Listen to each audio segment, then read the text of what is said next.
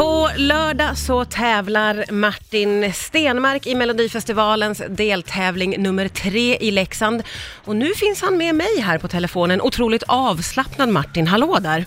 Ja men tjenare. Ja, jag, jag kom in i rätt mod för den här pratstunden kan jag säga. Jag mår supertoppen just nu. Det var underbart för du har liksom fått fem minuter vila i ett schema som är sekundanpassat vad jag förstår.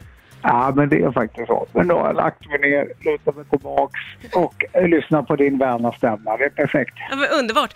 Du, jag har hört, eh, jag vet ju inte om det stämmer, men jag har hört att när du blev kontaktad av Melodifestivalen så tänkte du nej, nej, nej! Stämmer det? Eh, det var, jag fick ju höra låten och då var det inte nej, nej, nej utan då var det så här, fy fan, det här måste jag göra. Ja, det var så. det, det är så. Ja men det är så kul att vara med. Ja. Jag hade liksom inga planer på det, men för jag hade ingen bra, jag hade liksom ingen låt som jag kände att det här ska jag göra. Alltså Mello är ju så jävla roligt så man skulle ju kunna vara med i alla deltävlingar helst.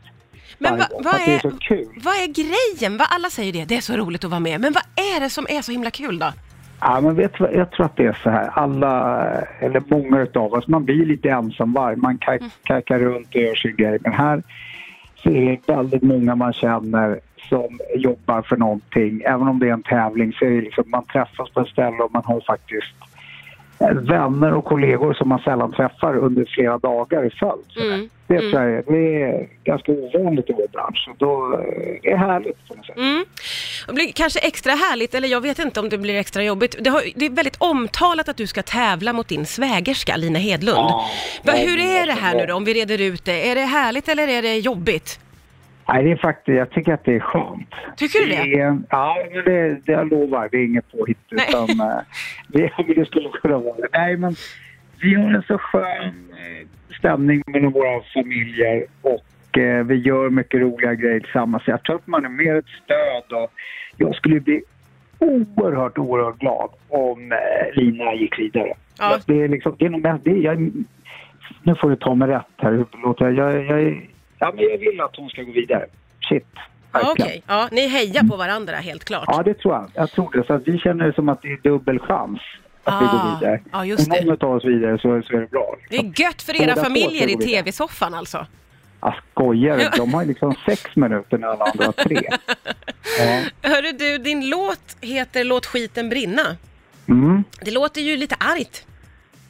Eh, ja, men det kan man nog tolka det. Det är Mm. nog mer en uppmaning kan jag säga. Okej. Ja. Ja. Vill, vill du säga något mer än så eller får vi vänta och se? Ja, du tycker jag ska utveckla svar. Nej, men jag tycker att, att, att det, det handlar liksom om att man ska eh, på något sätt värna om sig själv och se till att eh, välja bra grejer för en själv. Mm. Eh, hela den här... Det är liksom som ett, ett samtal till mig själv, det är ett samtal till mina barn. Det är någonting att... att eh, vilken patrull man än står på så är liksom, man har vissa val i livet Mm. där man kan välja att antingen gå den här ruffa vägen, men det går faktiskt att gå runt omkring om man inte behöver den där skiten som är framför. Då är jag Mm. mer såhär, bränn skiten. Ah, Vissa ja. grejer gör en gott och vissa grejer gör en illa. Skit i det som gör en illa, det är inte värt det. Nu har du tydliggjort det. Nu är det supertydligt för bra. mig. Ja.